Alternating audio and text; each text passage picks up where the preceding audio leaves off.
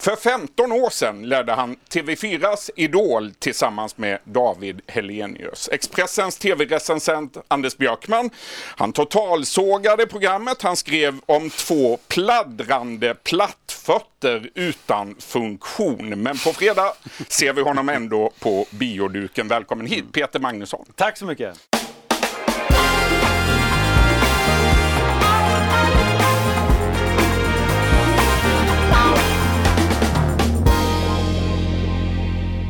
Du den där recensionen i Expressen eh, 2004? Ja, med all, med ty tydligt. Tydligt. Absolut. Ja, det är väl en av de eh, roligaste recensionerna som jag har fått. Tror jag. Var ni verkligen så dåliga? Ja, kanske. Nej, men jag tror inte det. Men jag tror att vi kanske hade en lite ny, nytt förhållningssätt till det där tror jag, som inte var Mm. superkonventionellt. Föll inte riktigt Anders Björkman I smaken helt Nej. och hållet. Inte, nej. Du, på fredag är det Mm. alltså premiär för en ny romantisk komedi. Mm. Tills Frank skiljer oss åt. Du har skrivit manus, du Mm. har huvudrollen. Eh, var hittade du idén till den här filmen? Jag vet inte, den här frågan får jag ofta. Det, det är så Mm. otroligt svårt att, att säga, men, men kort sagt kan vi säga så här, det är en romantisk komedi eh, där det, det är ju, eh, Liv Mjöne som spelar huvudrollen, så det är en kvinnlig huvudroll den här gången till skillnad från filmer jag gjort tidigare. Som man kan väl säga kort att hon slits väl mellan eh, ja, två män då i det här uppdraget att hitta kärlek och har lite svårt att liksom bestämma sig för saker och ting. Och när de väl gör det så är det för sent och lite sådär. Det kan jag själv känna igen mig i erfarenhetsmässigt. Att man är, att man är lite man är lite tvåa på bollen hela tiden sådär, och missar tåg och sådär. Och så den här valångesten som vi har nu för tiden. Hon tar ju hjälp också, Vera som hon heter Ja. i, i filmen. Hon tar, tar hjälp av en livscoach Ja. som tycker att nu får du bestämma dig och eh, du kan inte Så bara... är det. Ja. En livscoach med kanske lite väl förenklad, förenklade lösningar. Eh, sådär, som tycker att allt handlar om att mållåsa, att bestämma sig. Mm. Eh, om du ska välja flinger, välj bara på flingor. Ska du välja partner, välj bara en partner. Det kanske ligger något i det, jag vet inte. Men det blir lite tokigt då för Vera. Har du några egna erfarenheter av livscoacher? Eh, nej, inte av just livscoach. Ja, jo, jag gick en gång. Eh, det gjorde jag. Du Eh, gjorde ja, det? Men det blev... ja, Var det just mållåset hon Nej, nej, rekommenderade den dig? livscoachen hade lite andra idéer. Men jag, ja, jag kom inte tillbaka. Det gjorde jag inte. Det, det är roligt, det är många livscoacher nu för tiden. Och det, det, det är något intressant det där med att liksom Mm. berätta hur andra ska leva. Jag tycker det är kul. Du Vera, hon är ju kär i sin kollega Frank. Japp. Eh, men eh, livscoachen eh, tycker då att hon ska sänka kraven och det är där Karl Johan dyker upp. Hur skulle du beskriva honom? Det är jag som spelar Karl-Johan. Eh, det är Erik Johansson ska jag säga, som spelar då eh, Frank. Ja, Karl-Johan är väl en eh, man som kanske har inte riktigt kapat alla förtöjningar till, sin, till moderskeppet, till mamman. Som inte har klippt navelsträngen helt enkelt. Han har lite, inte en helt sund relation med sin, med sin familj. De- är lite för nära. Det är en, en man som tycker sig vara liksom klar men som inte står på egna ben överhuvudtaget trots att han är en bit över 40. Ja, Det får man verkligen säga. Vi ska se nu på hur det ser ut när Vera friar till Karl Johan i skidbacken. Karl-Johan. Tänkte jag fråga dig om du vill gifta dig med mig.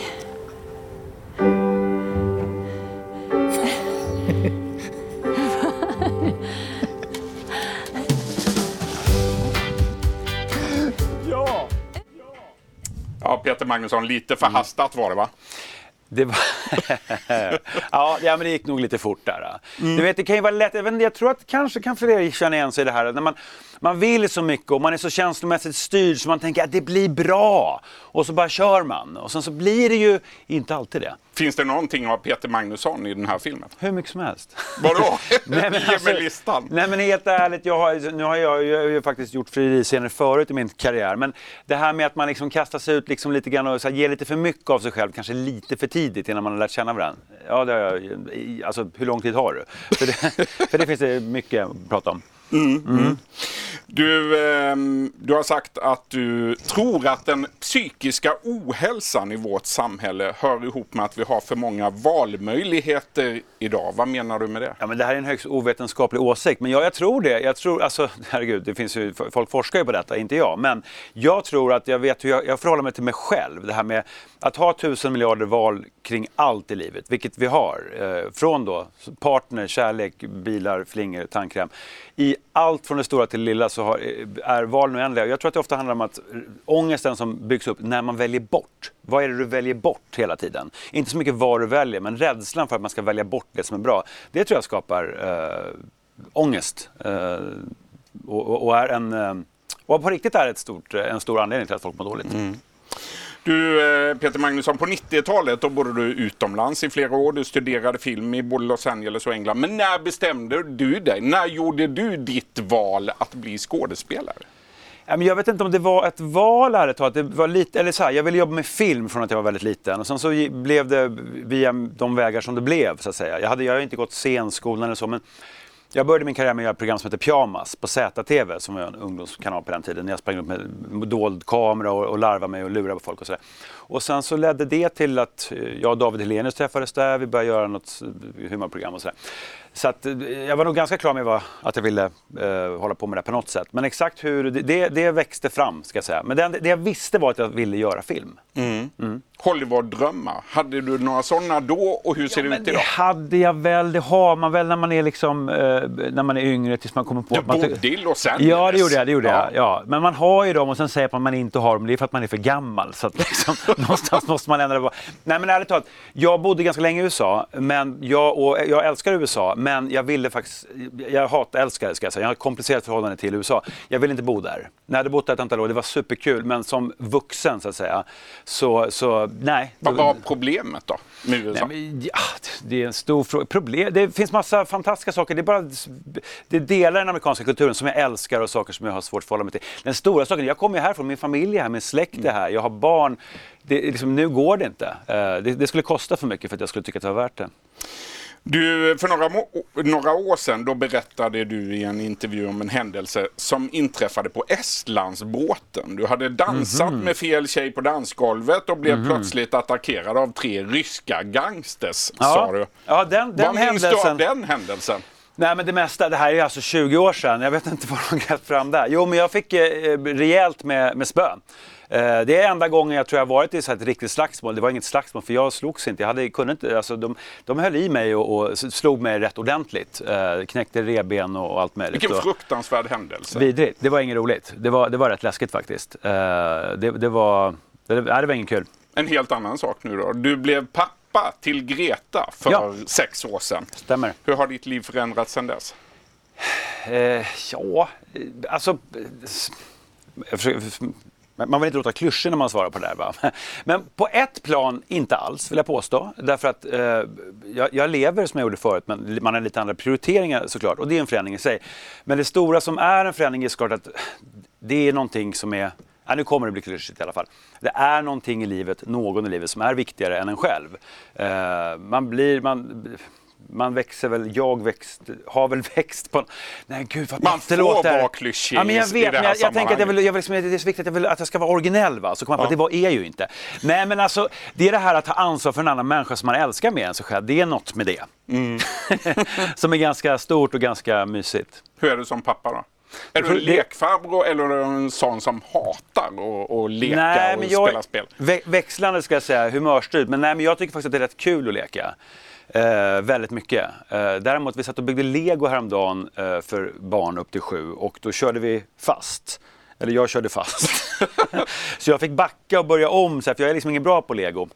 Upp till tre klarar jag utan problem. men sen blir det svårt. Men jo, nej, men jag tycker det är rätt kul att leka. Vi sjunger, och, vi sjunger mycket och spelar musik och sådär.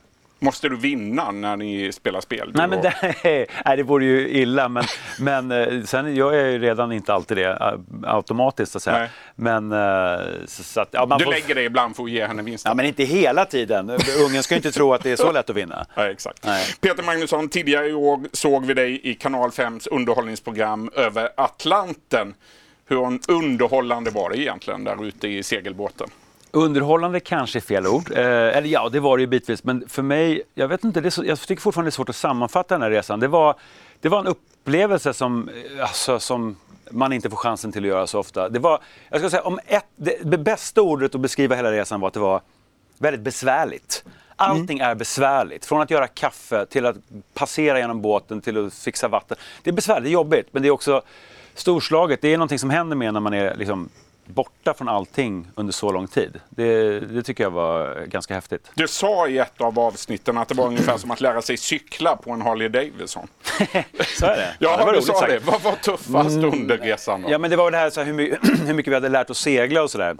Och jag tror det, var att, alltså det, var, det är en så stor komplicerad båt så, där, så det är inte världens bästa lärarbåt. Nu, nu har jag seglat en del i och för sig, men jag är, inte, jag är en ganska medioker seglare. Det här var något annat. det här var något annat. Det var något helt annat. Mm. Så att, eh, Hur bra kompisar blev ni på båten? Då? Ja, men bra tycker jag. Det är inte så att vi kommer fira jul ihop, eh, men alltså, vi höll ihop. Det var inga bråk, det var, alla var vuxna. Så där. Jag tror alla insåg att liksom, man måste ju kompromissa, man biter ihop och sådär. Allt är liksom inte, det är inte superkul varje minut, men, men, men för att det ska funka på en liten yta så måste man ju vara lite vuxen och värdig. Och det tycker jag att alla var. Om vi blickar lite framåt nu då, vad händer Mm. i ditt liv nästa år? Nästa år, eh, jag vet inte faktiskt. Det vet jag sällan. Jag Inga på... nya filmer? Jo, men inga- absolut. Eller du har många olika planer? Ja, nej, men nu, jag sitter och skriver på nya manus som eh, blir något framöver. Det är väl lite tidigt att börja snacka om det en dag, men för det kan ju ändras och hållas på och sådär. Men det är på tidigt stadium. Men, men eh, så mer film eh, och mer... Vad är det med dig och romantiska komedier? Jag tycker att det är kul. Jag tycker att det är liksom eh, viktigt att få fly bort ett tag kring det som ligger de flesta av oss närmast om hjärtat. Det vill säga kärlek och längtan efter att komma nära andra människor. Jag tänker att allting kokar ner till det. Liksom. Allting handlar om relationer. Och om, även om det inte alltid liksom, slutar lyckligt i det riktiga livet så är det viktigt att kunna liksom, få den känslan att det kan vara så i alla fall. Om så bara för en liten stund. Framförallt i dessa tiderna världen står i brand. Verkligen Men med det sagt så är det inte säkert att jag kommer göra någon mer romantisk komedi efter detta. Jag kanske, jag kanske är klar här, jag vet inte. Så blir det något annat. Jag och David vill göra någonting tillsammans igen, det har vi inte gjort på länge. Så att vi får se vad det blir. Idol igen. Det tror jag inte. Men kanske, kanske. Anders Björkmans våta dröm. Ja, exakt, hur? exakt, exakt. Stort tack för att du kom till eh, Direkt med Niklas Svensson idag, Peter Magnusson. Tack. Du har lyssnat på en podcast från Expressen. Ansvarig utgivare är Klas Granström. Med Hedvigs hemförsäkring är du skyddad från golv till tak oavsett om det gäller större skador eller mindre olyckor. Digital försäkring med personlig service, smidig hjälp och alltid utan bindningstid. Skaffa Hedvig så hjälper vi dig att säga upp din gamla försäkring. Hedvig hemförsäkring, ett klick bort.